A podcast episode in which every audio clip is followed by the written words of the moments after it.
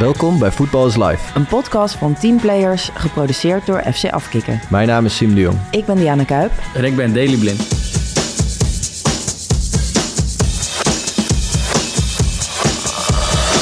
Bij Zlatan moet je soms dingen omkeren. In plaats van dat jij zegt hoe het moet, kan je aan hem vragen hoe hij denkt dat het moet. Echt een levensles ook eigenlijk. Hè? Dat je nog breder in je empathie bent en dat je probeert om op die manier iemand verantwoordelijkheid te geven.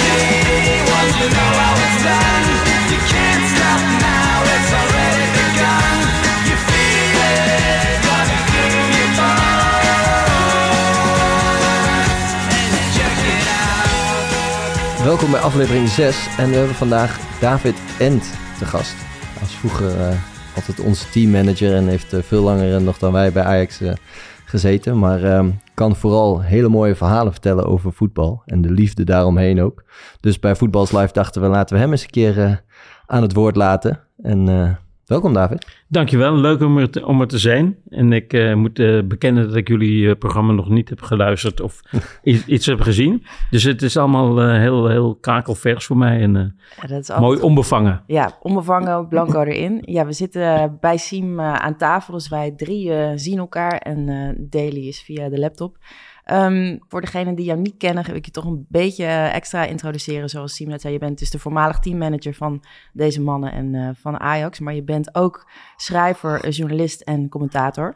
Je bent ook oud-speler van, van Ajax. Dat weten heel veel mensen niet. Van de A-selectie van Ajax in 1974. Maar je hebt alleen vriendschappelijk gespeeld. Daar gaan we het straks ook even over hebben. Je was van 1989 tot 2013 werkzaam bij Ajax en vanaf 1997 als teammanager.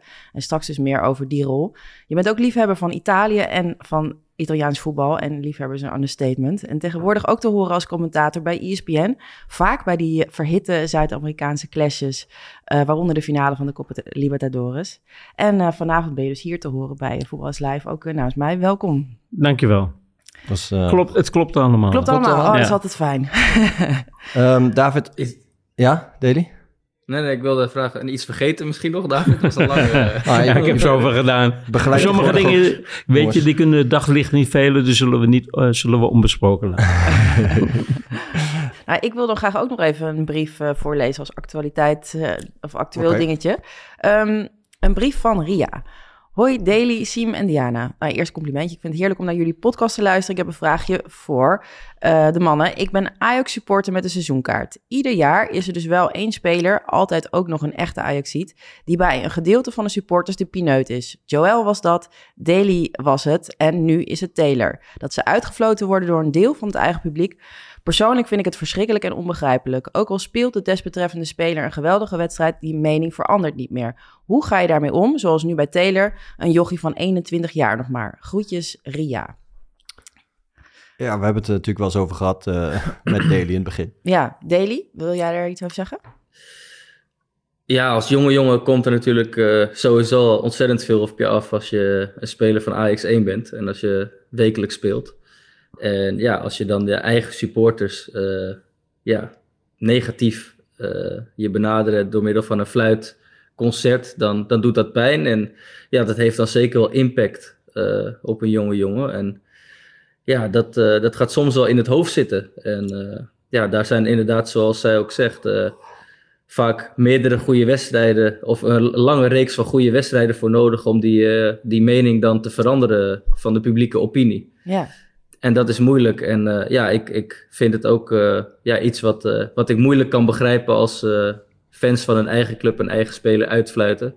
Oh. Of het nou een speler uit eigen jeugd is of, een, of überhaupt een speler van je eigen club. Ja, want het zal nooit iets positiefs teweeg brengen, toch? Denk jij? Nee, want dat is een beetje, ja, als ik het zo vraag, dan is het dat je denkt van het heeft altijd een negatieve impact op de speler en eigenlijk zelfs wel op, op het hele team, want iedereen is daarmee bezig. Dus um, ja, het is, uh, uh, je ziet het ook wel eens op andere plekken. En het blijft gewoon heel bijzonder, want ja, uiteindelijk, al zou je er niet helemaal mee eens zijn dat de speler speelt, het heeft nog steeds veel meer zin voor het team om, om ze toe te juichen. En, want uh, ja, wij weten echt dat het, dat het zeg maar impact heeft, zowel positieve kant op als negatieve kant op. Ja, ja, ik heb er trouwens wel vaak aan gedacht, Daily, dat, um, dat het zo fijn is dat jij nu bij Girona zit. Want nu het zo slecht gaat bij Ajax, ik weet zeker dat jij de pineut was geweest. Dat ze jou dan weer de schuld hadden gegeven. Dus nu kan ze iemand anders... Maar David, hoe, uh, hoe pakte jij dat aan als je merkte dat een van jouw jongens werd uitgefloten? Nou, weet je, laat ik vooropstellen dat het een verschrikking is als, als zoiets gebeurt. Daly zegt het nog in milde termen, maar ik was echt... Ik kon er woedend om worden. Ja. en uh, helemaal omdat Daly had het helemaal niet alleen met zijn met, uh, met, met, mogelijk minder spel te maken. Dat was helemaal niet zo. Het had meer met de politiek die op dat moment te maken. er, was van alles aan de hand bij Ajax en daar werd hij dus indirect gekoppeld uh, aan zijn vader die in het hele, hele merkwaardige spel wat er toen op de wagen was. Hè, dat we noemden ze fluwele revolutie, maar het was eigenlijk een mijnenveld. ja, dat, dat was een soort, uh, hij was een soort bliksemafleider op dat gebied. Het was zo ongelooflijk oneerlijk. Weet je, uh, zeker hij was nog een, jonge gast. Dan ben je kwetsbaar. Dan heb je juist meer steun nodig. En dan kan ik me zo goed voorstellen, kon ik me ook wel voorstellen toen natuurlijk, uh, hoe moeilijk dat is om dat een plek te geven. Om het eigenlijk te snappen. Waarom? Hoezo? Ja? Uh, speelde hij nou het raken van wedstrijden vier, vijf keer achter elkaar. Ja, dan weet je, dan gaan die vingers naar de mond en dan wordt er gefloten. Ja. Maar dit had niets daarmee te maken. Het was gewoon een heel oneerlijk sentiment wat naar voren kwam en waar Deli de dupe van werd. Ja, ja wat, wat doe je dan? Je probeert in elk geval ja, op een of andere manier een, een soort steun te zijn. Hè? En, en, en, en misschien een beetje over te hebben van het hoe en waarom. Hoe gebeurt het? Waarom is dit? Het heeft helemaal niks te maken, Daily, met hoe jij speelt of wie je bent. Het heeft te maken met een politiek statement Mm. van het publiek. Ja. Hè? Dat maakt het misschien oneerlijker, maar je moet het wel een beetje kunnen snappen. Dus je probeert in elk geval die, die speler zoveel mogelijk in zijn comfortzone te houden. En... Uh, ja, weet je, dat is jammer. Je kan eigenlijk niet veel meer aan doen. Nee. Je zou, je zou die gasten willen wurgen. En zeggen, ja. ja, toch? Ja. En denken, van, wat zijn jullie voor supporters? Uh, om uh, een van je... Je kinderen ja, van de club. Ja, een, ja, dat is natuurlijk een, een goede uitspraak. Kinderen van de club. Maar dat, dat is met Daly helemaal zo. Die is van AFC gekomen. Die heb ik op zijn negende ook zien spelen in dat shirt. En ik weet dat het een en al Ajax is. Mhm. En die man wordt dan uitgefloten. Dat doe je met geen enkele speler, ben ik het ook eens. Maar zeker niet met hem. Dat vond ik echt verschrikkelijk, walgelijk dus. Ja. Nou ja, de vraag uh, ja, moet dus uh, zorgen dat het, het, heeft dus impact, dus ja, je hoopt dat het zo Ja. min mogelijk gebeurt. Ja, ja, dat, uh, dat, dat het uiteindelijk... Natuurlijk, als het de wedstrijd niet goed gaat, zo, ja, dan begrijp je ook wel eens dat er in de rust of na de tijd wordt uh, gefloten. uh, Dat hoort ook bij het publiek. Dat, ja, dat, dat hoort er ook bij. Maar zo individueel soms, dat... uh, Zonder enige andere reden. Nou ja, dat gaat dus ook Ja. wel in de hoofd zitten bij andere spelers. Dus dat... ja, als je fan bent, moet je het gewoon niet doen, want het werkt averechts voor je club. Ja, het is gewoon super dom. als het ja. tegenstander het doet, heeft het nog een soort... uh, post, kan je het nog een soort positief Ja. omzetten naar... Dan kan je blij zijn. Dan zeg ik, ben gemotiveerd. Ja. Ja, maar goede vraag. Had jij nog een uh, actueel dingetje zien? Uh, nou ja, het, um, ik heb eigenlijk uh, um, wel een mooi weekend voor de boeg. Oh, Uh, vertel dus, eens, uh, wat heb je voor een leuk weekend dacht, voor de Ja, boeg? via uh, dat ik af en toe analist ben bij Viaplay, heb ik uh, dit weekend twee uh, Engelse wedstrijden in het vooruitzicht. Dus uh, ik zit bij, uh, bij mijn oude club weer een keer bij Newcastle Ja, tegen Manchester United. En ik zit uh, de dag daarna bij Manchester City tegen Tottenham Hotspur. Dus uh, oké. Je bent je analisten al Aardige helemaal aan het ook ontvangen. nog. het zijn, uh, ja, het is een mooi weekendje, mooie wedstrijden. En uh, ja, ik uh, mag uh, daar voor werk uh, uh, naar kijken. Dus dat is uh, zeker geen straf. Nee. Nou, wat leuk voor je. Dus uh, ja, nee, ja, dat uh, ja. Op komt, het- komt op- dus een mooi voetbalweekend aan voor Ja. degenen die uh, uh, niks te doen hebben of uh, Engels voetbal willen kijken. Ja. Gaan kijken. Min of meer op het moment dat wij nu spreken, eh, ietsje later gaat eh, City ze ook spelen. Hè? Ja, ja, Mo- nee, Moet ja, je dan zo'n wedstrijd niet even zien? Ja, ja, nou, ik moet wel zo even uh, nog uh, Oké, terugkijken. Ja, ik moet, Ja, je ik, moet uh, wel serieus maar ik vind het dus ook niet, uh, inderdaad, ik vind het dus ook, nee, nee, ik vind het ook niet erg, want ik kijk nu wel echt veel Engels voetbal en Ja. speel zelfs uh, dat uh, fantasy uh, voetbal, uh, dat ik uh, ook de spelers uh, vanaf het begin van het seizoen nog beter, ik kan nu, ja, kan nu eigenlijk wel uh, bijna al, alle opstellingen uit mijn hoofd en alle spelers Zo. ken ik wel weer en uh, dus... Dat is een game of zo. Dat, je- ja, zo'n spel, ja, dan moet je zelf je opstelling maken met een bepaald budget en dan krijg je wat punten, speel ik met vrienden, dus dat is wel leuk. Um, en zo leer je ook gewoon, ga je ja, veel meer verdiepen in de spelers eigenlijk. Maar ik ja, Speel kijk jij ook dat wel. ook daily? Ik ken het spel, maar ik speel het nu niet. eh, nee. Ja, maar het is, uh, het is wel, ja, het, is, het, geeft je echt wel een soort van uh, inzicht in. Uh, je moet toch wel kijken naar wie de spelers Ja. steeds. Maar ook in het weekend kijk ik nu wel meer Engels voetbal dan, uh, dan dat ik deed. Ja, maar ik moet ik zeggen dat ik bewust wel heb gekozen om dit te doen, omdat ik het niet zo, omdat ik Engels voetbal ook wel echt leuk vind om te kijken. Ja. En daarnaast, uh, ja, eigenlijk in Nederland nog wel Ajax en af en toe een keer naar Luc. dus ja. Oké, nou, vind ik een goeie. En jij? Um, nou, ik had eigenlijk die, uh, die brief. Oké, okay, ja. David, jij nog iets uh, afgelopen tijd uh, in het voetbal? Nou ja, jullie hebben me gevraagd om na te denken over zoiets. En nou, het, het, heeft gekraakt, maar het was uiteindelijk niet zo moeilijk. En het gekke is, het heeft een beetje een link naar, naar waar we het net over met Daly hadden. Want ehm, ik heb Kenneth Taylor heb ik, eindelijk bevrijd zien voetballen afgelopen weekend. ik dacht, hij heeft zichzelf een beetje hervonden. Nu moeten we oppassen, want uh, één zwaluw maakt nog geen lente. Zeker geen zomer. Maar het, het, was wel fijn om hem te zien in, in de rol die hem het beste past. Ja. Dat heeft misschien ook te maken met, uh, met waar de trainer hem neerzet en hoe hij wil dat hij speelt. Maar ik vond hem, uh, zeker de afgelopen ja, zeg maar maanden, kan je wel zeggen, vrij verkrampt voetballen. hij miste de vrijheid van, van creativiteit van doen. Alsof hij ook onder druk, druk stond van ik moet iets laten zien, ik moet iets presteren. Uh, je probeert het een beetje ja, psychologisch te analyseren. Hoe komt het dat een speler die latent veel talent heeft, hè, die uh, geweldige mogelijkheden heeft, die dat ook heeft laten zien in de voorgaande tijd, dat hij dat die onderpresteert. En daarbij dus ook geconfronteerd worden, eh, wordt, en dan kom ik op het uh, verhaal van Daly een beetje terug, met de reactie van het publiek. Ja. alsof die hem uh, een soort uh, zwart schaap vinden, nee, niet, niet oké. Okay. hij kreeg heel veel kritiek en hij krijgt niet alleen kritiek van het publiek, en misschien is daar wel een correlatie tussen, maar er zijn ook heel veel analisten die meedogenloos omgaan met een jonge speler, hè, van ja, hoe oud is hij? 21. 21. en die, die is net in je team. Die komt ook uit je jeugdopleiding. Is ook zo'n kind uit de moederschoot. En die wordt dan meedogenloos aangepakt door mensen die onkwetsbaar zijn hmm. hè, voor een camera en die verder eigenlijk helemaal geen enkele verantwoordelijkheid hebben. Ja. Dat hoeven ze ook niet te hebben, maar ze kunnen wel zich enigszins inleven in een speler. Zeker als het ex-voetballers zijn, hmm. dan denk ik, hoe kan je zo meedogenloos omgaan? Hè, terwijl je, je kan beter gaan kijken, wat, probeer te analyseren, wat is de reden dat een speler met zoveel potentie ja, want ik vind, zo onder Ik vind dat ook wel terecht hoor, want ik heb ook wel met uh, vooraf ook gezegd toen ik bij Viaplay ging, uh, dat ik sowieso niet Nederlands voetbal op dit moment wilde doen uh, als analist. En ook wel bij Viaplay, ja, dat ik ook wel het vooral vanuit mijn eigen ervaring wil benaderen. En, en ja, ook wel kijk naar waarom iets gebeurt. En soms geef je ook wel eens aan, ja, je, je weet ook niet wat er in de kleedkamer besproken is. Dus, en dat zijn wel dingen die ik ook wel probeer mee te nemen in wat je bespreekt. En um, ja, dat is ook wel een, een leuke manier om er nu naar te kijken. En zeker uh, omdat het Engels voetbal natuurlijk iets minder dichtbij is. Maar ja, um, ja ik probeer Kijk, wel je, ook bewust... Je, je, kan kritisch zijn, dat nee, is helemaal niet zo, niet zo erg. Maar dat maar, deed je ook als speler in het, in het team. En ja. alleen deed je dat ook op een bepaalde manier dat je... Ja, binnen het team. En, en nu vind ik dat op tv, ja, vind ik dat soms ook wel lastig. Zeker ook als er een kritische ja.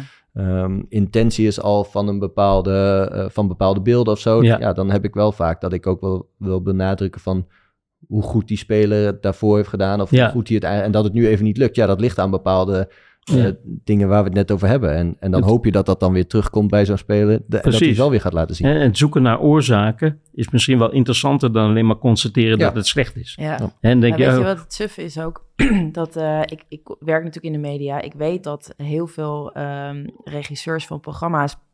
Die willen juist heel graag eh, Tuurlijk. analisten die hele bouwde uitspraken doen. Dus van, nou ja, die gast is brandhout. Dan zitten ze echt zo ha- in hun handen te wrijven eh, in het kamertje. Dat is, dus juist, die, juist degenen die dus dat, dat doen, worden het vaakst gevraagd. Omdat, Ja. het, omdat de Nee, kijker dat- dat, lekker en vindt. dat, dat snap ik, en want de dat is, schade is, daardoor het Ja. groot. Ja. dat is een soort eh, marktwerking Ja. die er plaatsvindt. Hè? Want het effectbejag is, is groot.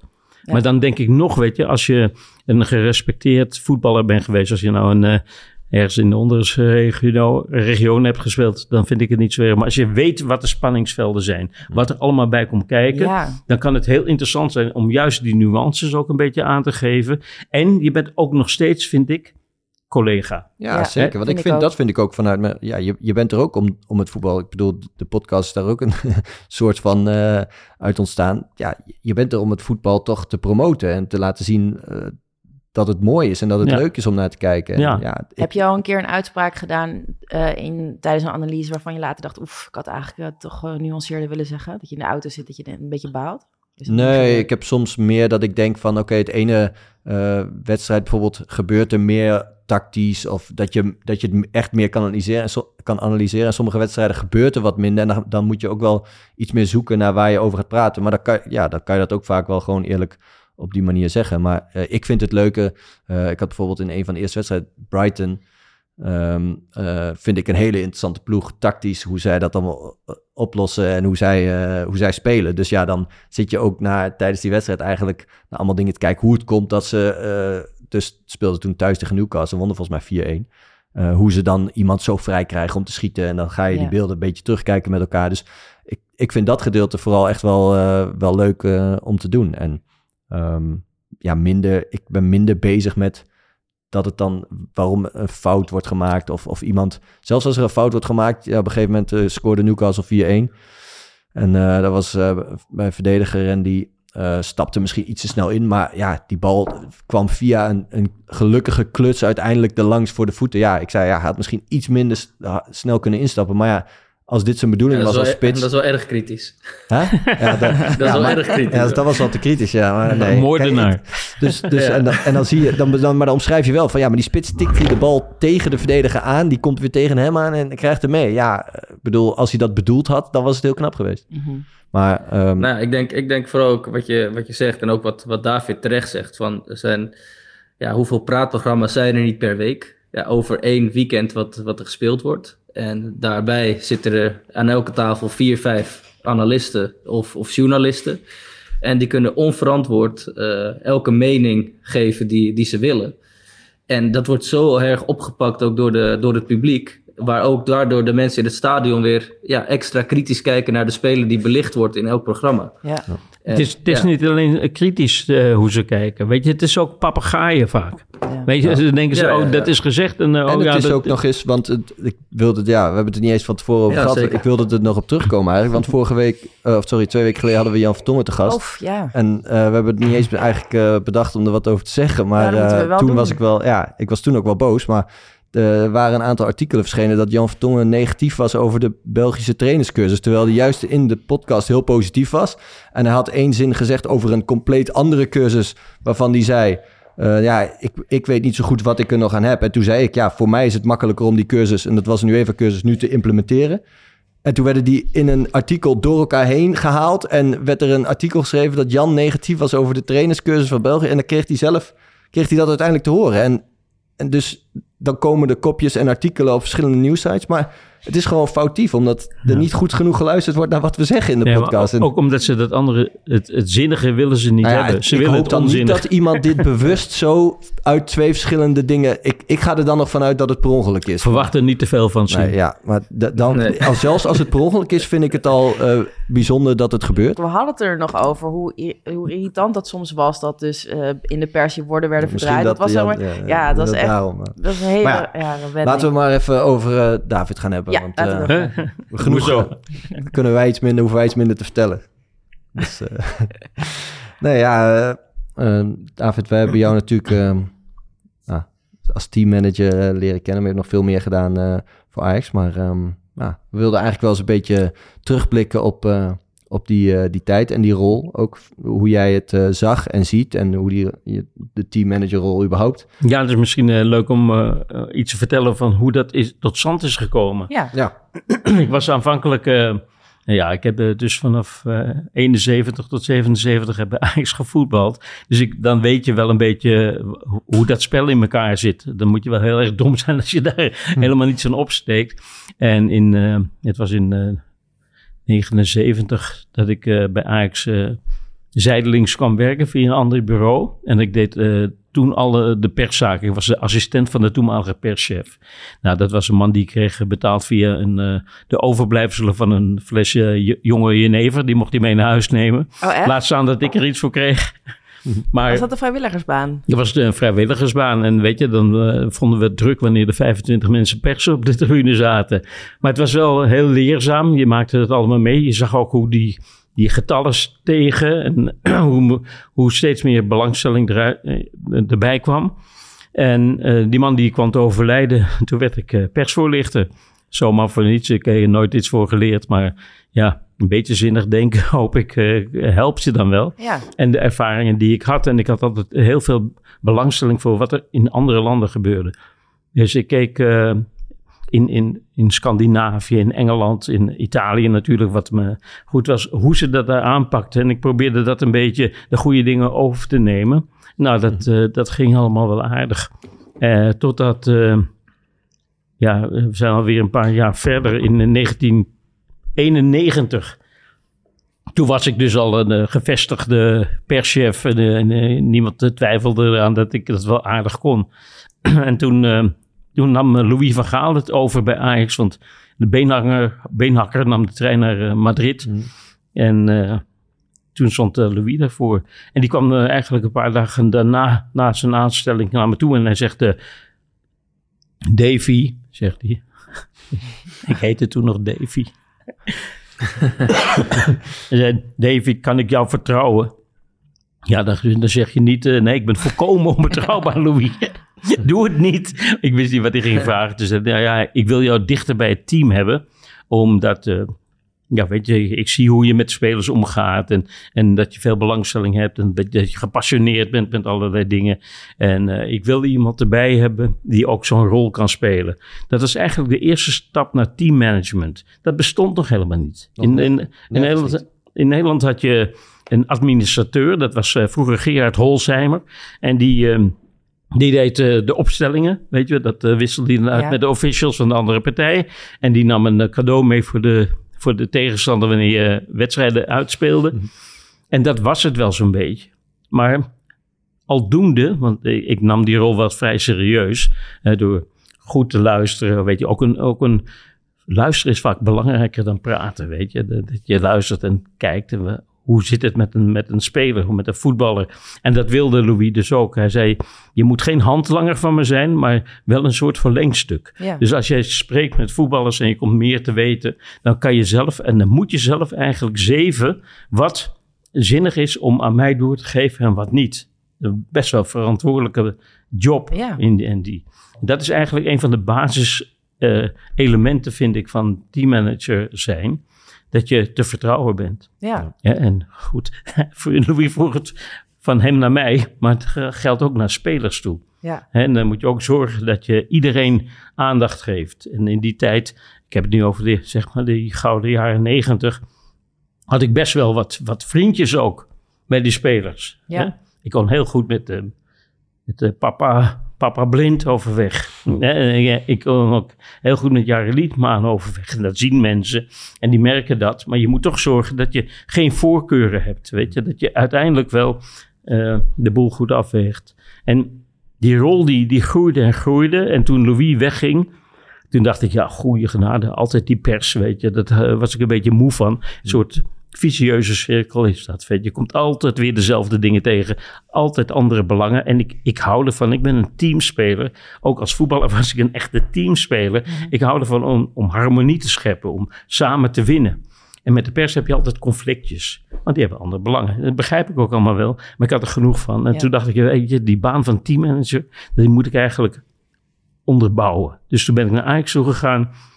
Ik heb een, een mooi verhaal gemaakt en zegt... teammanagement moet eigenlijk gescheiden worden van persvoorlichting. Ja, dus neem een andere persvoorlichter en neem een teammanager. Ja, ja, vond een goed idee. Mooi, mooi eh, opgesteld. Maar wie moet dan die teammanager worden? Ik zei. en zo is het officieel. Is het gebeurd bij het eerste jaar van eh, Morten Olsen. Oké.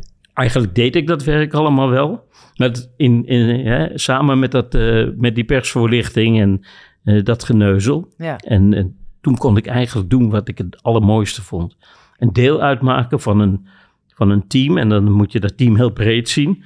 Hè, de, de technische staf. eh, eh, je had ook contact naar de buitenwereld binnen Ajax, de buitenwereld, zeg maar administratie, juridische afdeling, marketing en al die dingen. Allerlei dingen die kwamen bij elkaar. En het gekke was, het pakket wat ik had geschetst was zeg maar 10.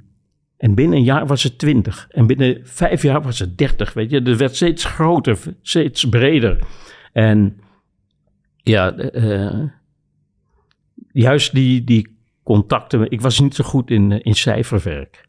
Ik was niet digitaal. Dat heeft me later de kop gekost. Ja, want je moet dus dan, ehm, als teammanager moet je dus eh, kijken naar wat, wat, de, wat de jongens nodig hebben. Maar je moet dus ook bijvoorbeeld de, de, de trips regelen, dus de reizen, Precies, toch? ja. Het is een heel, eigenlijk een heel breed pakket. En dat werd steeds breder, want ze zeiden, ja, dat doet Davy wel, dat doet David wel. Eh, De, de, eh, de, regel, simpele dingen als kaarten regelen voor thuiswedstrijden, kaarten regelen voor uitwedstrijden. Ah, Eh, contact hebben met het reisbureau, eh, indeling van de kamers in de hotels als je ergens naartoe gaat, in trainingskampen, programma's maken voor, eh, voor de week. Dat had ik weer geleerd van Bob Harms, die was heel secuur erin. Die zei, je moet het, je moet het altijd drie keer nakijken. Dus ik keek het altijd vier keer na.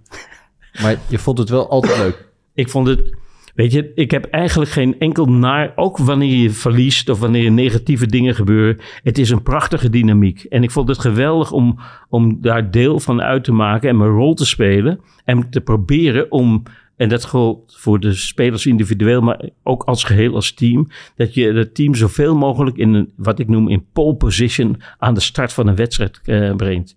Eh, dus dat de ene keer als er negatieve gevoelens zijn, had ik afspraak met de, met de clubarts. Als het negatief is, hè, weet je, de trainer bevalt iemand niet of wat dan ook gebeurt ook, hè, dat je trainers niet helemaal ligt.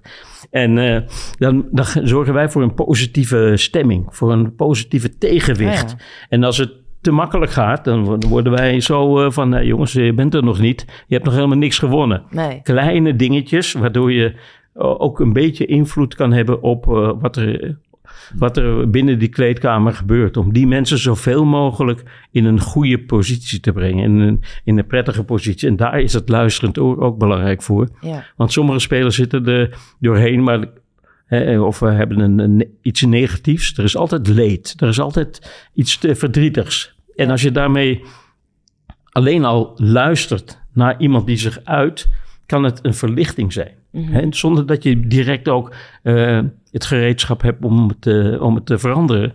Maar om aandacht te geven. En dat heb ik eh, heel veel met ook buitenlanders eh, gehad. Hè? Ja, want je moet natuurlijk ook het vertrouwen winnen van spelers die jou niet kennen. En dat eerste jaar bij Olsen, daar krijg je eigenlijk dat, dat vreemdelingenlegioen, zeg maar, onder je hoede. Dus dat zijn eh Olysee, Benny, Arvelatse, Sibon. Ehm, hoe, hoe, hoe Sibon zorg- is ook echt zo'n buitenlander. Ja, hoe zo- nee, maar dus... Nee, Nee, nee, maar echt hoor. Nee, maar hoe zorg je ervoor dat je dus de jongens die jou niet kennen, zeg maar, dat die je dan gaan vertrouwen? Ja, ja dat, dat heeft eh, ook te maken met de eerste ontmoeting. Hoe, hoe toon je? En, en toon je eh, je als een eh, pragmaticus of toon je je hart? En het, het laten zien van je hart is heel belangrijk, denk ik. Dat voelen mensen vrij snel. Ja, ik, heb- en, ik heb ja. het ook altijd wel snel met, ehm, met gewoon met je teammanager of met de dokter, met de fysio's. eh, Ja, toch wel snel dat je bij een club merkt. Het zijn allemaal mensen die, die heb ik wel eens eerder gezegd, eigenlijk constant bezig zijn om te zorgen dat jij als speler goed kan presteren. En dat voel je altijd wel vrij snel als speler dat nou, de meeste, bijna allemaal, dat ook heel erg hebben. En dat je dus ook, ehm, ja, wat David zegt, dat je heel snel eh, daar wel een band mee opbouwt met die mensen. En ehm, misschien soms nog wel meer dan met, eh, met sommige spelers. Ja, Dat als je een tijd, en eh, heb ik wel eens in een andere aflevering ook gezegd, als je tijd met mensen werkt, dat en je gaat met spelers zijn collega's en concurrenten, maar de mensen daaromheen zijn eigenlijk de mensen die ja, alleen maar bezig zijn om te zorgen dat jij kan presteren. Ja. En ehm, ja, dan is het als je weggaat of als, eh, als die mensen weggaan, dan, ja, dan is dat, dat is ook wel een moment vaak als ik een club verliet, dat ik dacht van ja, die mensen 1, 2, 3 jaar meegewerkt, of soms nog langer zelfs. En ehm, ja, dan ga je, daar, neem, daar voel je dan soms meer, eh, zo zie je meer tegenop om Ja. afscheid van te nemen dan van, van de groep van de spelers soms. Ja, en dat kan breed het zijn, hè? Want het, je, het- je hebt je hebt, uh, mijn rol was een heel erg duidelijk bepaald, maar je hebt ook mensen van, van het materiaal bijvoorbeeld, Hmm. die helemaal op de achtergrond werken. Of de, de vrouw van het spelershome. En die kunnen me, soms met een oogopslag zien, die, die zit niet goed in zijn vel. En als je die, die worden dan ietsje meer vertroeteld. Of uh, die krijgen iets mee naar huis. Ja. Weet je, zo, zo kleine dingetjes. En dat is het mooie van, wat ik dat dus noem, dat totale team. Hè, dat je dat, dat eigenlijk de kracht kan bepalen van je, van je elftal. Deli, wat wilde jij net zeggen? Ja, ik denk wat, wat Siem zegt en eigenlijk wat David al de hele tijd uh, vertelt. Het gevoel van als je bij een nieuwe club komt, dat je uh, vaak bij twee of drie mensen misschien van de club gelijk die bepaalde veiligheid voelt. Waardoor je misschien net wat meer jezelf kan zijn en je thuis voelt bij die nieuwe club. Ik denk dat, dat, dat er altijd maar echt weinig ja, zijn waar je gelijk zo dat, dat voelt bij iemand die, die zeg maar zijn hart gelijk openstelt. En waarbij je denkt van oh, bij jou kan ik gelijk terecht op mijn, op mijn tweede dag, bij wijze van spreken. Ja, ja, ja. Maar dat is En, eigenlijk uh, dan bij elke club ook waar ik nu ben geweest, heb je dat. Ja, sommigen zijn inderdaad heel, heel hard en direct. En die, die geven je een hand en lopen gelijk door. En ja, anderen die, die neem je gelijk in de armen, vragen gelijk uh, hoe het thuis is met je kinderen of familie. En ja, veel meer uh, menselijker. En daar krijg je dan gelijk een veel fijner gevoel bij. Zeker als nieuweling helpt dat een hoop. Ja.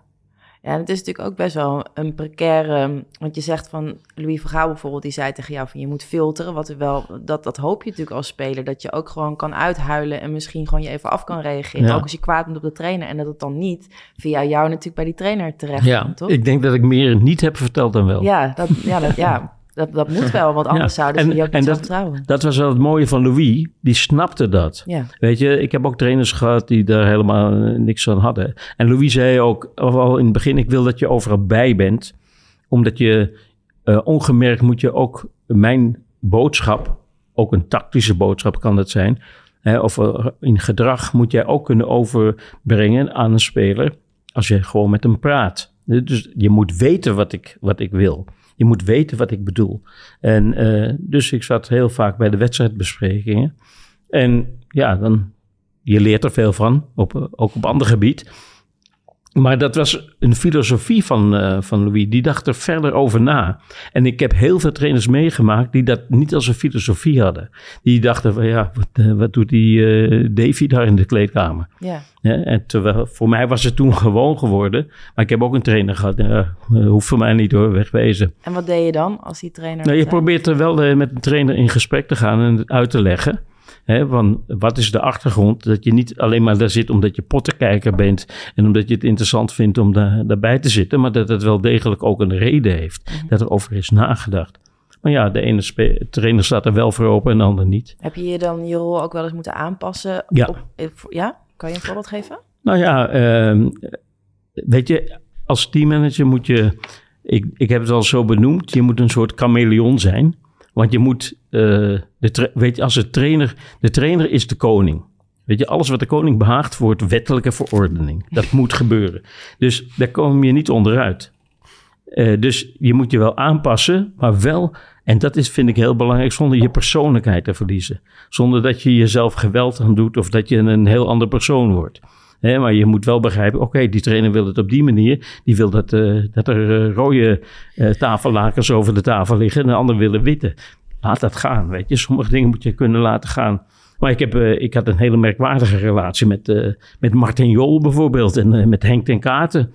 Nee, die, die, die keken op een heel andere manier naar voetbal. Heel anders dan ik gewend was. Ik was natuurlijk, ik had zeven jaar met Louis gewerkt. Nou, dat heeft echt, dat heeft op iedereen effect. Als je, als je, een, als kantoor deelt van, eh, van, van drie bij vier meter. Dus, en er zat veel, veel wijsheid ook in. En dat vond ik bij Louis dus bijzonder.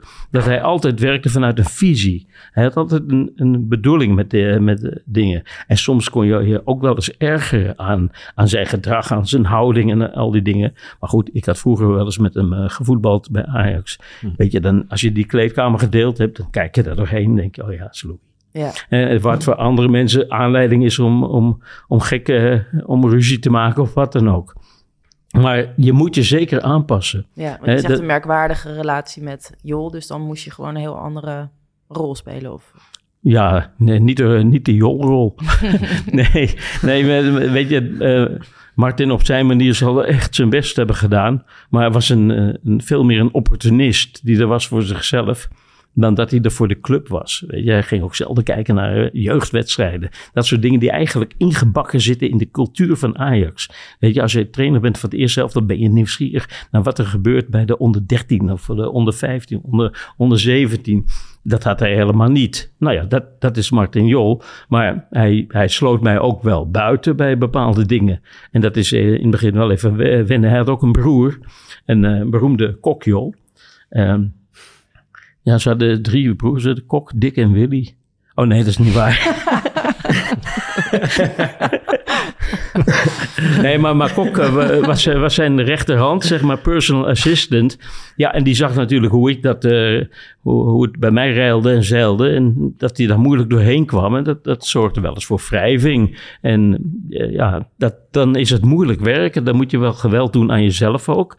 Hè, omdat je andere ideeën hebt. Maar je moet toch die trainer ook helpen. En uh, moet je er wel voor zijn. Ja, want sta je meer aan, als je te, sta je meer aan de kant van de spelers of meer aan de kant van de trainer als teammanager?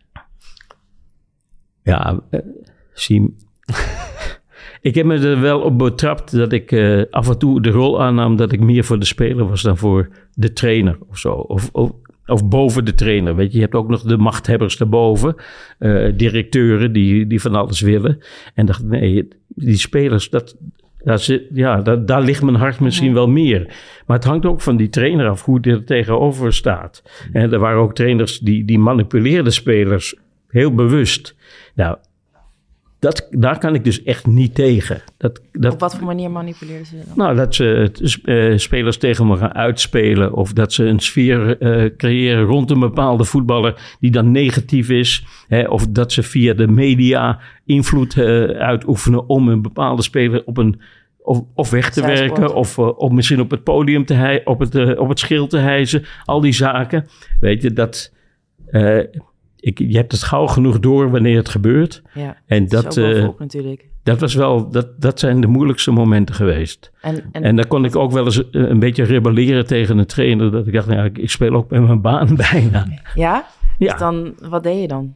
Nou ja, dat, dat ik uh, heel duidelijk maakte dat ik het ermee oneens was. En dat ik me er zeker niet voor zou lenen om daar een rol in te spelen. Maar als je die rol, uh, als een trainer vraagt zo tussen neus en lippen door. Het is nooit heel erg duidelijk. Maar je voelt gewoon dat, dat, dat uh, hij je wil gebruiken om een bepaalde situatie naar zijn hand te krijgen. En als ik denk, dit is niet eerlijk, dan doe ik het niet. En, en dat zeg je dan. Dan zeg je, nee, dit gaat mij te ver. Ik ga, ik ga niet, uh, hierin ga ik niet mee. En ja, en dan, dan heb je wel een beetje een conflict situatie ja. met een trainer. En dan word je gedoogd en dan heb ik me, wel eens het geluk gehad dat die trainer werd ontslagen. Ja. Nou ja, dan kon ik blijven. Ik zag, ook, ik zag ook wel vaak teammanager als eigenlijk iemand inderdaad die tussen de trainer en de spelers in stond. Maar ja. wel eigenlijk gewoon, ja, als we bijvoorbeeld uh, uh, spelersraad of zo, dan, dat, ja, je had toch het gevoel dat de teammanager vanuit de spelers wel een, een soort van uh, vertrouwenspersoon ja. Is en, en was. En, ja, dat komt ook door de eigen ervaring. Hè. Je weet gewoon dat clubs uh, op elk niveau, die proberen altijd uh, het meeste eruit te halen. En uh, je hebt vaak te maken, in mijn rol dan, met jongens die, die echt jong zijn. Mm. Hè? Die tussen de 19, 18, 19, 20, 23, er zitten misschien een paar ouderen bij. Maar die, die weten nog niet precies hoe de, hoe de hazen lopen. Weet je, wat de bedoeling is. En dan denk ik, ja, die moeten wel gesteund worden. Ook om ze wegwijs te maken in die gekke wereld. Weet je, om, om, uh, uh, om, om iets meer te begrijpen van het hoe en waarom. En ja, weet je, we hebben wel eens uh, verhalen gehad over hoeveel shirts mogen wij per seizoen weggeven. Ja, die club die zet heel vaak de hakken in het zand. Hè, terwijl ik dacht, ja, hoe, dat, dat Want hoeveel toch... mag dan? Wat, ja, weet je, ja, dat is ook jaar uh, het is, vaak een discussie bij de spelersraad. Ja? hoeveel shirts er, uh, hoeveel shirts je mag weggeven. Weet je, dat, die getallen veranderen, ja. omdat er steeds meer vrijkomt. Maar op een gegeven moment was het bijvoorbeeld tien. En dan dacht ik, ja, weet je, en die andere moest je dan betalen als, uh, als speler. Als je dan een extra shirt weggaf boven die tien. Oh. Al dat, dat soort gedoe, dat was zo'n item. En dan, dan kan je, die spelers kunnen zich op jonge leeftijd makkelijker laten overdonderen. En als er dan iemand uh, zo gek als ik erbij zit, dan zegt ja, nee, maar dat is toch niet juist of wat dan ook. Ja, jij beschermde ze dan een beetje. Ja, soms wel. Ja, eh, maar je moet ook af en toe streng zijn. Hè? Want sociaal vermogen is niet alleen maar aardig zijn. is ook af en toe, uh, ja, niet iemand die direct ja, op zijn flikker wel gewoon met als doel om gewoon ja. goed te presteren met elkaar. Ja. Dat is het. En dat is eigenlijk, zo voelt het ook wel hoor. Het is wel gewoon, ja, ook, ook die relaties zijn uiteindelijk allemaal gewoon om met elkaar tot uh, succes te komen. Tuurlijk. En heb je ook een beetje streng moeten zijn tegen uh, Simon Daly? Nou, de, Daly, uh, ja, regelmatig moet ik zeggen. de, Daly, hoe, hoe zie jij dat? Je, David nee, ik wil net zeggen, van, ja, David, David Man en ik kennen elkaar al heel lang. En, je noemt hem David Man? Ook, ja, ik noem hem ja. Man. Dus, Hoe komt dat? ik weet niet, een keer begonnen zo. ontstaan, ik weet niet. uh, dus nee, ja, ik wilde eigenlijk net zeggen van zo'n teammanager zoals uh, ja, David Man was, uh, ik denk dat die niet meer zo, zo bestaan. Ik denk dat dat nu weer een hele andere rol heeft aange, aangenomen, waar, waar misschien meer het mentale kant op gaat. Nu mental coaches. En wat een mental coach misschien, wat, wat nu teammanagers zijn, wat ik ervaren heb na David, ook gelijk bij Ajax. Eh, was dat het allemaal veel zakelijker werd. Het werd inderdaad veel meer van de kaartjes regelen tot dit regelen en dat. En het werd ook gewoon die relatie steeds meer. En vaak dingen die geregeld moesten worden, dan gingen de jonge spelers dan, ja, dat hoorde je dan in het elftal en kwam het bij je spelersraad terecht. En die gingen dan het opnemen samen tegen de, of samen met de ja. teammanager dan tegen de, tegen de club. En ja, dat was niet meer zo zoals David nu omschrijft. Uh, hoe, hoe dicht hij bij de spelers stond. En dat was wel uh, uniek, denk ik. Ja. ik. Ik denk dat dat, dat dat niet meer ergens zo, uh, zo is geweest. Tenminste, niet bij de clubs waar ik daarna nog ben geweest en die periode bij Ajax. En ja, een, een, een, vertrouwenspersoon die, die je vanaf het begin een warm, warm gevoel gaf. Die tussen de ballenjongens achter de goal uh, op een bankje zat waar er gescoord werd. En waar die samen met de ballenjongens die bij onder 16 of onder 15 speelden, stond te juichen als er gescoord werd. En, uh, ja, ik ben ook fan. Ja, en die jongens kwamen, en die jongens kwamen later bij het eerste elftal. En, en dan heb je al een, uh, al een soort, soort band opgebouwd. En ja, dat is, dat is, dat is bijzonder. Ja. Hoe zie je zelf ja. dan nu die rol, David? Als je kijkt nou ja, ik, ik, ik, kan niet goed naar binnen kijken. En uh, weet je, uh, het voetbal, op, het voetbal verandert. En uh, ik denk wel, kijk, toen, toen ik scheide van Ajax, dat deed ik niet uit eigen beweging. Maar.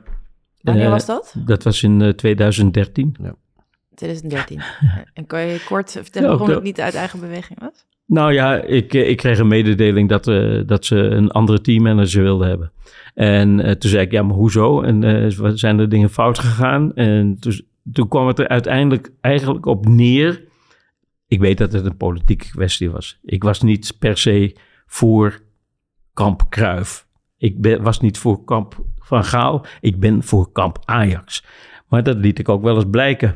Dat ik dacht, dit gaat niet goed. Dus dan, dan komt er een politiek spel. Ja. En de, ze willen allemaal volgelingen hebben en niet mensen die misschien weerstand bieden. Dat, dat is de uiteindelijke reden. Maar het werd gebracht met, we, we zoeken een digitale teammanager. Nou ja, goed, ze zijn digitaler geworden. Dat is inderdaad uh, juist.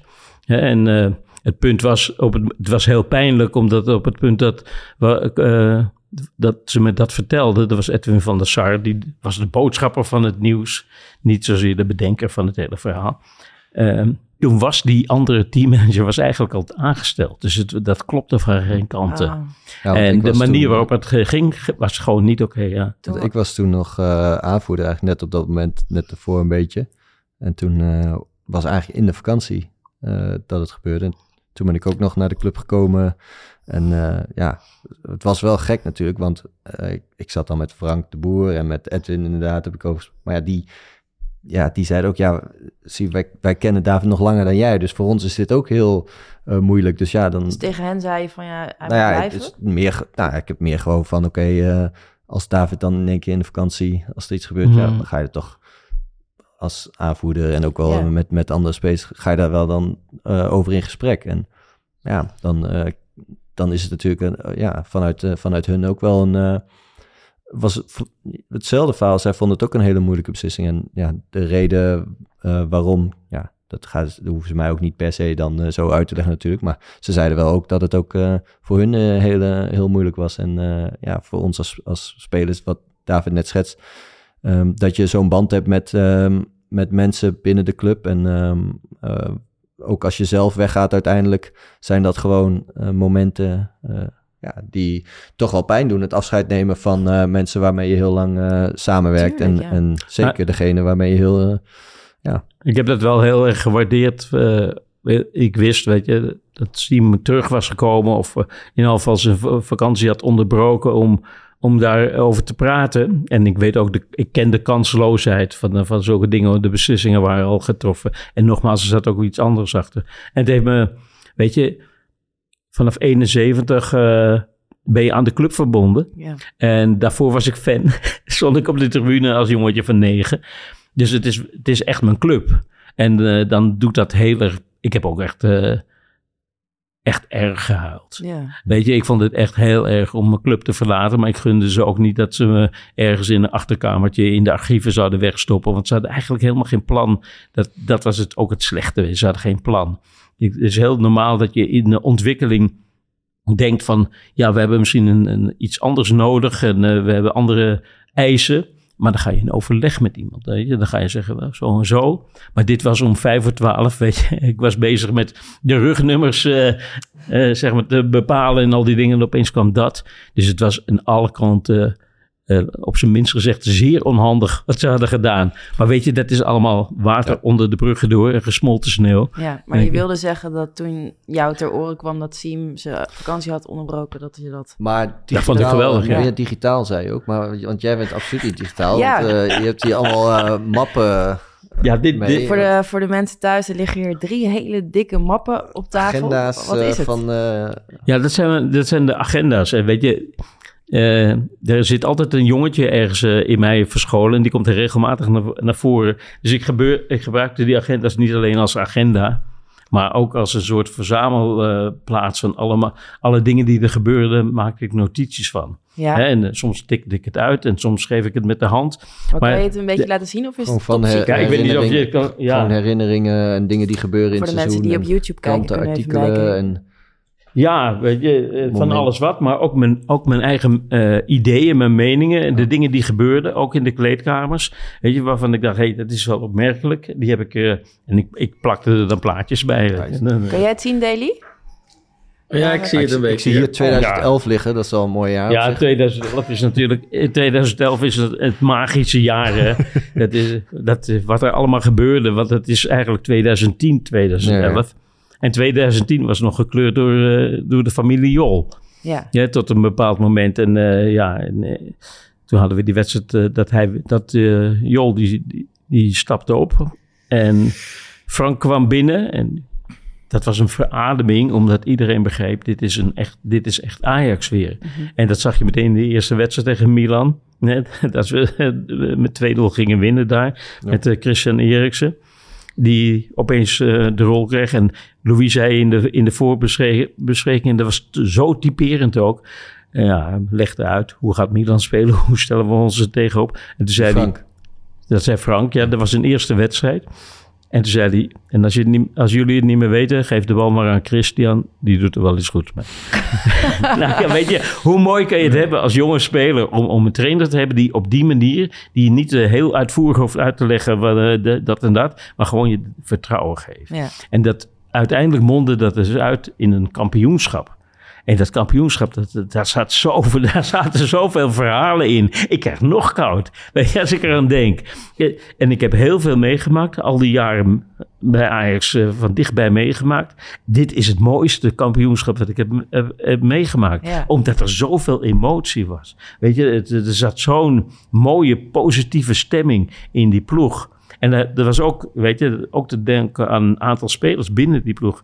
Eh waren Siem en, eh, en, en maakten er ook eh, deel van uit. Jan Vertongen, die, die, die, die zorgde voor een aparte kracht. Weet je, van, van saamhorigheid, van met elkaar dingen doen. En lol hebben met elkaar ook, als het kon. Ja. En ja, dat, dat, ik vind dat een onvergetelijk, eh, een heel mooi emotioneel eh, kampioenschap.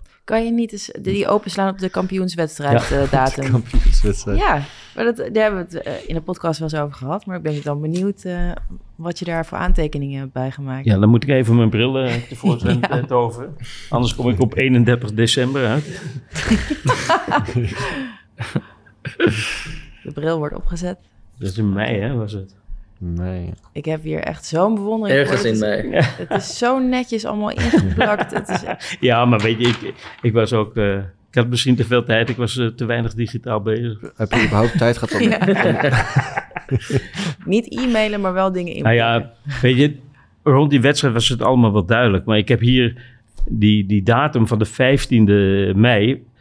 En er zit ook een verhaal aan vooraf, want we hadden die bekerfinale Beker verloren. verloren. En weet je, het gekke was, we hadden verloren Ja. van Twente voor de beker. En niemand had het idee van, dit is een, een, eh, mokerslag voor ons. Nou ja, ik heb hier een paar plaatjes. eh, kijk, Broeder Twist. Ajax tegen Twente. eh waar heb ik... Eh, twist. Oh, dat gaat over jou Tegen, en tegen Luc. Ja. Oh, Ja. En dat, dat, daar hadden ze een kop van gemaakt, geloof ik. In de kranten heb ik verkleind en in, in, dat, eh, in, in die agenda geplakt. En eh, er staat hier ook, dit is ook wel interessant. Wat doet Lorenzo de avond voor de wedstrijd in Hoorn bij een kickbox- kickboxwedstrijd die uit de hand loopt en het nieuws haalt? Dat, Ja, dat klopt. Ja. Als het toen social media... Dat was wel... Oh. dat is wel een verhaal geworden. Nu kan het wel. Want dat heb je zelf geschreven of dat heb je Ja, dat was uitgeknipt? toen Nee, dat heb ik zelf geschreven. Oh, Ja, dat in- En ik, eh, er zit een fotootje van mij met eh Michele Santoni. Ik had een goede relatie met hem. Dus die dingen eromheen. Dat is Ja. de videoanalist, hè? Ja. Die is nu een trainer. ja, die doet het wel aardig. bij Ja. Je. Die doet het aardig. Nou ja, goed. Zo En wat deed hij dan bij die kickboxwedstrijd? Ging je dat hij, wa- ook hij was eh, toeschouwer, maar hij was eh, gek van kickboksen. Hij had allemaal vrienden in die, eh, in die sferen, denk ik ook. Ja. Maar ja, weet je, de avond voor de wedstrijd Ja, van, je als- leven. Als, er, er gebeurde iets bij dat event waardoor het... eh, Ja, precies. Als er niks was gebeurd, was het niks... Ja, was het- Maar het liep daar uit de hand, weet je, knokken en al Ja. die dingen. mee. En wie was er? Ook Lorenzo. Maar want je hebt net niet de vraag beantwoord. Maar staat hier ook iets in een aantekening van over de mannen van Siem of Daily? Waar met de vraag wat deed Siem in de bubbels eh, of Nee. 12 uur 's nachts. In de pubquiz, David en ik gingen altijd eh Ja. pubquizzen. Pubquizzen? Ja. Ja. Eh, Jij en David? Ik, David, Nou, ja. Ja, en, Michele. ja, en eh, en Sofie ging nog wel eens mee. En, ja, eh, nog wat mensen. ja. dus Sportpubquizzen of gewoon Ja, in Amsterdam West had je een, eh, had je een café, dat heette Barbaars. In de Baarsjes, hè, dat heette Barbaars. En zo, dat was toen een beetje mode. In eh, heel eh, Amsterdam had je van die pubquizzen. Maar ook daar, en daar veel mensen, hè, dat was altijd Ja. vol. En eh nou, dan Maar- kwam... eh, Waren jullie goed? Ja, oh, redelijk. Ja, redelijk, maar we hadden veel lol. Dat, Ja. dat maakte alles goed. En David was ook van, eh, zeker van de voetbalquizzen, volgens mij bij Daily thuis. Dus, eh, of, eh, ja. Ik organiseer Ja. ook wel quizzen op trainingskampen, weet je. Dan, eh, ja, ik, we- één keer hebben we Martin Jol eh, laten verliezen. Die stond, die stond op kop. En hij, had nog, hij moest één vraag goed eh, be- nog beantwoorden. En dat die vraag was, eh, wie, ik weet het allemaal nog goed. Wie, was, wie is de eigenaar van Manchester United? Dat was op dat moment. En hij vult in, Blazer. en wij zeggen, fout. Blazer, zegt hij. Nee, de man het Glazer. Oh, Ja, maar ja, maakt het uit. Nee, fout. Hij was echt doodziek. oh mooi. Ja. Maar het was, het was vooral ook gezellig. En eh, ja, ik geloof, jij kwam op de fiets al eh, eh, die kant op. Ja? En, ja, en die mensen, al die, dat, dat, al die, die bezoekers, die keken wel van op. Die hè, dat zijn die voetballers. Echt waar. en, Wat grappig. maar dat was een hele leuke mix, weet je. En ook dat vertelde een beetje een verhaal over hoe die jongens in, in, in het leven stonden. Weet je, die, scheiden zich niet af van de maatschappij of wat dan ook. Weet je, gewoon gezellig iets leuks doen met elkaar. Mhm. En, eh, Komt misschien toen ook nog iets meer. ja, Met- ja dat, dat zal Ja, ongetwijfeld Nou, zijn. en van David kan ik me natuurlijk altijd nog herinneren de speeches, afscheidsspeeches die hij eh, gaf als er en, en na het weer een speler weg moest of iemand wegging. Ehm dan ging David vaak wel even een, eh, een praatje houden. En dat, dan ja, was iedereen toch wel even stil van eh, Ja, was dat... wat eh, gaat hij eh, nu? En, waren eh, dat tearjerkers? ja, nou ja, er waren wel... eh, Ik weet, ik weet er eentje, van- toen Mauro Rosales wegging, die werd weg, eh, echt weggepest door uh, Ten Katen. En die ging dus ook weg, halverwege. En toen had ik een speech en eh, Ja, ik kreeg het zelf een beetje te kwaad. Zo, weet je, Het was echt diep, heel emotioneel. Want kijk, dit is een Argentijn, dus die moet je anders, uh, moet je anders over praten dan over een, uh, een coole man uit de Achterhoek. ja, en, ja toen, ik toen ik stopte met voetbal, David, ik weet niet of ik hem voor mag lezen of niet, maar toen stuurde ja. jij mij ook nog even een berichtje. Dus het voelde toch wel een beetje als zo'n speech, maar ja. ik weet niet of ik hem... Tuurlijk mag het. Jij mag ook wel even voorlezen, dan, dan kan, kan je een beetje horen hoe dat klinkt, zeg maar. Oh, wat leuk. Nou, dat is weer een... Ik ben weer in het valletje gelopen. ja, ik vind het juist mooi altijd, David. 20 mei 2023. Goedenavond, Siem. Gisteren je laatste profwedstrijd. Dat levert toch een bijzonder moment op. Best intens, om het uh, zo te zeggen. Het was mooi om het professionele voetbaldeel van je leven van redelijk dichtbij mee te maken. Ik bewaar daar erg mooie herinneringen aan. Lang niet alleen voetbaltechnisch, winnen en verliezen, maar vooral aan je zich ontwikkelende persoonlijkheid. Je groei als mens, vol drive, verantwoordelijkheid, passie en lol. Al die stappen via bergen en dalen tot aan wie je nu bent en met nog steeds groeimarges. Je hebt een schatkamer aan herinneringen. Hoe waardevol. Deze mijlpaal, nieuw startpunt, raakt mijn sentiment. Het voelt als dankbaarheid. Ik wens jou, jullie het mooiste. We komen elkaar stellig weer eens tegen. Houd je kompas zuiver. Oh, wat mooi. Nou. mooi toch? Ja, ik vind het heel mooi. Ja, ja dat uh, vind ik wel. Nou, zelfs in een appje voelde heel ik mooi. zeg maar dat, uh, dat, ja. dat zo'n uh, zo'n moment weer. Ja, nee, dus da daar kan ik nog wel... heb ik nog wel herinneringen aan, ja, dat hij dat in de kleedkamer deed. Ja. En dat zijn altijd... Nou, ik weet nog met de Rosales dat, dat ik had het uh, verhaal verteld. Het was ook een beetje een steek naar uh, onder, onder water van naar, naar Henk ten Kaarten. Die liep op een gegeven ogenblik op ook weg. Die vond, het te veel worden. Weet je, ik, ik was uh, Rosales het ophemelen. Ik zeg, je bent Olympisch kampioen. Fantastisch. altijd goed. nou ja, al dat soort dingen. En de kaarten zag ik zo wegsluipen. Ik denk, dat wil ik allemaal niet horen. en toen ging ik naar mijn eigen kamertje. En ja Weet je, je geeft in, in zo'n zo'n speech geef je wel veel van jezelf. En je zegt, ik was even zo. Toen kwam Klaas, Klaas Jan kwam binnen. Die pakt me vast en die begint zo te grienen. Oh, zo helemaal. Ja, ja. ja Klaas had een, ook een speciale relatie met, de, met de Rosales, weet je. Die kon elkaar goed vinden in het veld. En die mochten zo echt helemaal te huilen. Ja, toen moest ik ook huilen. Ja. We daar in het kleine kamertje. Maar dat is natuurlijk heel logisch. Zeker maar dat kan je, nu toch niet meer voorstellen met een teammanager? Dat de teammanager... Dat, dat, dat, is gewoon niet meer. Nee. nee. Ja. Want Daily, wat heb jij dus, voor herinneringen uh, van toen? Van toen? Ja, van hem als ja, teammanager. Ja, ook dat begin wat Sien net zegt. Die uh, emotionele momenten. Maar ja, eigenlijk waar ik waar ik net eigenlijk al op terug het warme gevoel uh, van wat, wat David jij altijd geeft, wat hij elke speler geeft. Dat je, ja, het klinkt heel cliché, maar dat het, de deur staat echt altijd open, weet je wel. Je kan echt altijd uh, bij David terecht. En uh, ja, ik denk dat dat voor spelers zo voelbaar was, dat er ook een speciale band ontstond met een ieder. Ik denk dat er geen speler is geweest waar je, ja, misschien een enkele waar je geen band mee hebt gehad. Ik denk, ik denk dat er elke speler wel op een bepaalde manier, uh, ja, misschien nog, als, nog steeds wel verbonden is.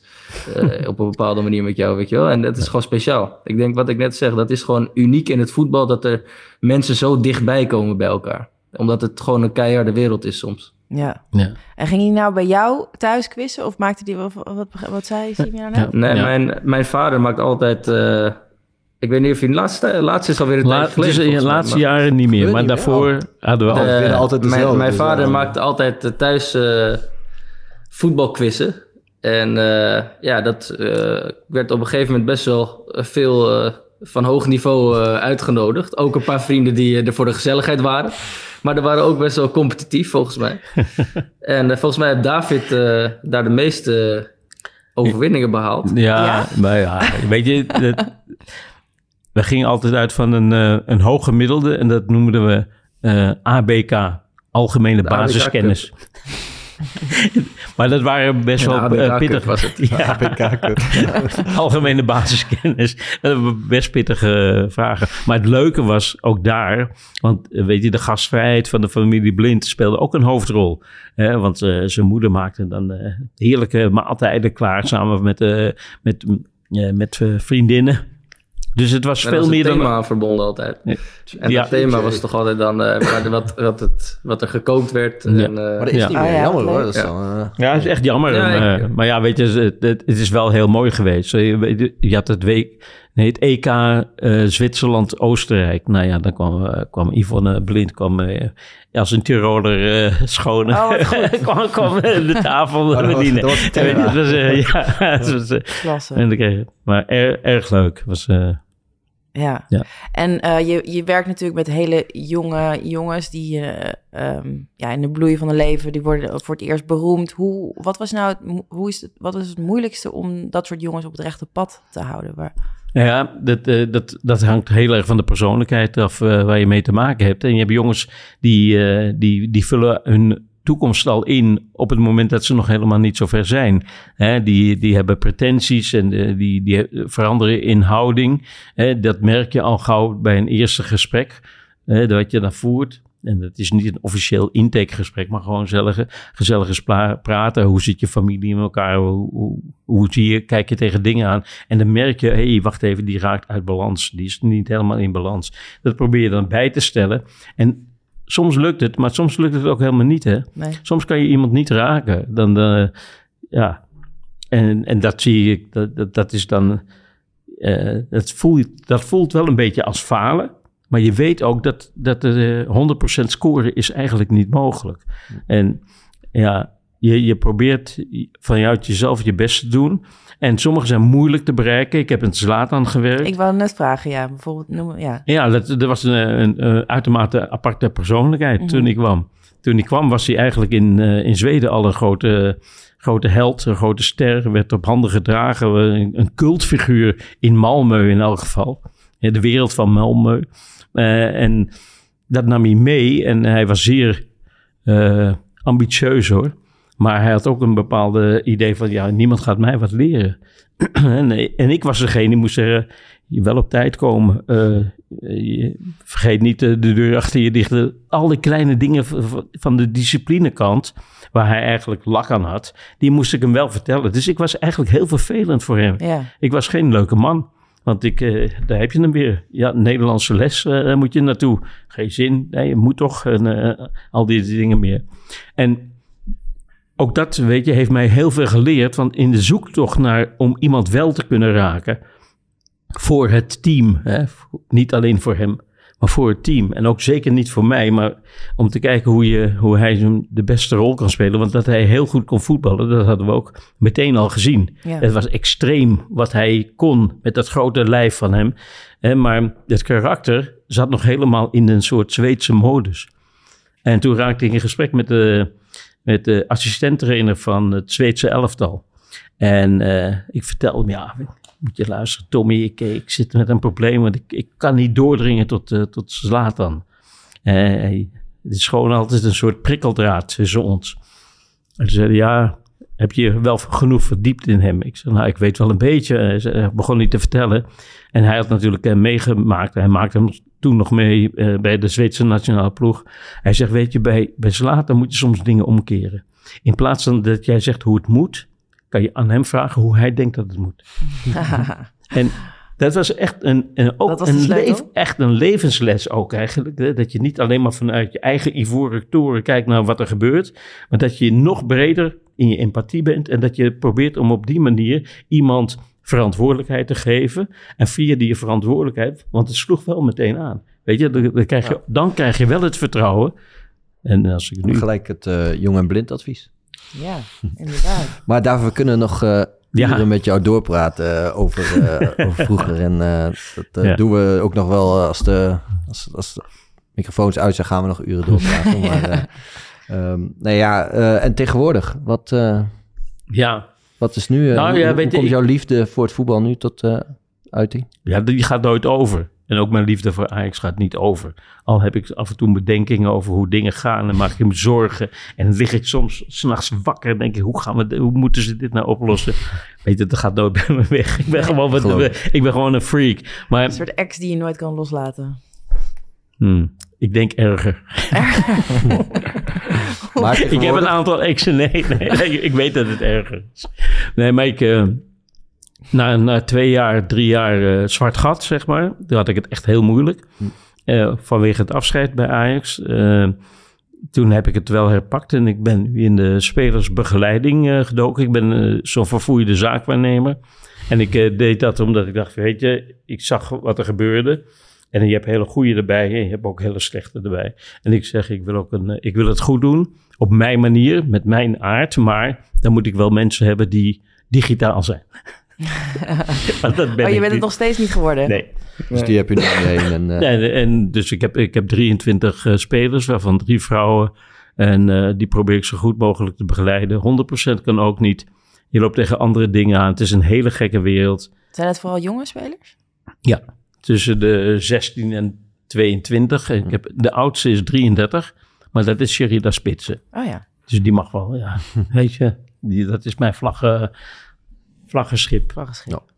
En eh, ja, al, altijd wel bezig met voetbal. Eh, soms eh, te veel. Dan denk ik, ja, ik kan wel een beetje afstand nemen. Maar ik vind het gewoon zo mooi. Ja. En ik vind juist de mooie dingen vind ik, eh, vind ik aantrekkelijk. Er zijn heel veel negatieve dingen, vind ik, rond voetbal. Heel veel donkere kanten. En eh, daar wil ik ver vanaf blijven, want ik wil gewoon geen geweld aan mezelf doen. Ik wil mezelf altijd eh, in de spiegel kunnen kijken. En heb ik liever dat ik verlies leid. Hè, dus bijvoorbeeld dat een speler vertrekt of wat dan ook en, eh, uit mijn bedrijf. Dan dat ik mezelf geweld aan doe door gekke trucs uit te halen. Ja. Maar ja, zo naïef ben ik. Ja.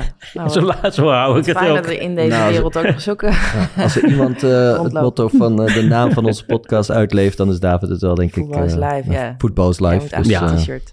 dat, eh, nee. Mooi, eh, dankjewel David. Leuk dat je er was. Heel Ja. fijn om er geweest te zijn en gezellig eh, gesproken. Ook leuk om Deliman weer eens een keer te, te zien in levende lijven. Deli die was alleen maar aan het luisteren. Dus dat, eh, Ja, ik, Ja, maar ik, ja, heb echt- hij heeft- ik zat echt aandachtig te luisteren.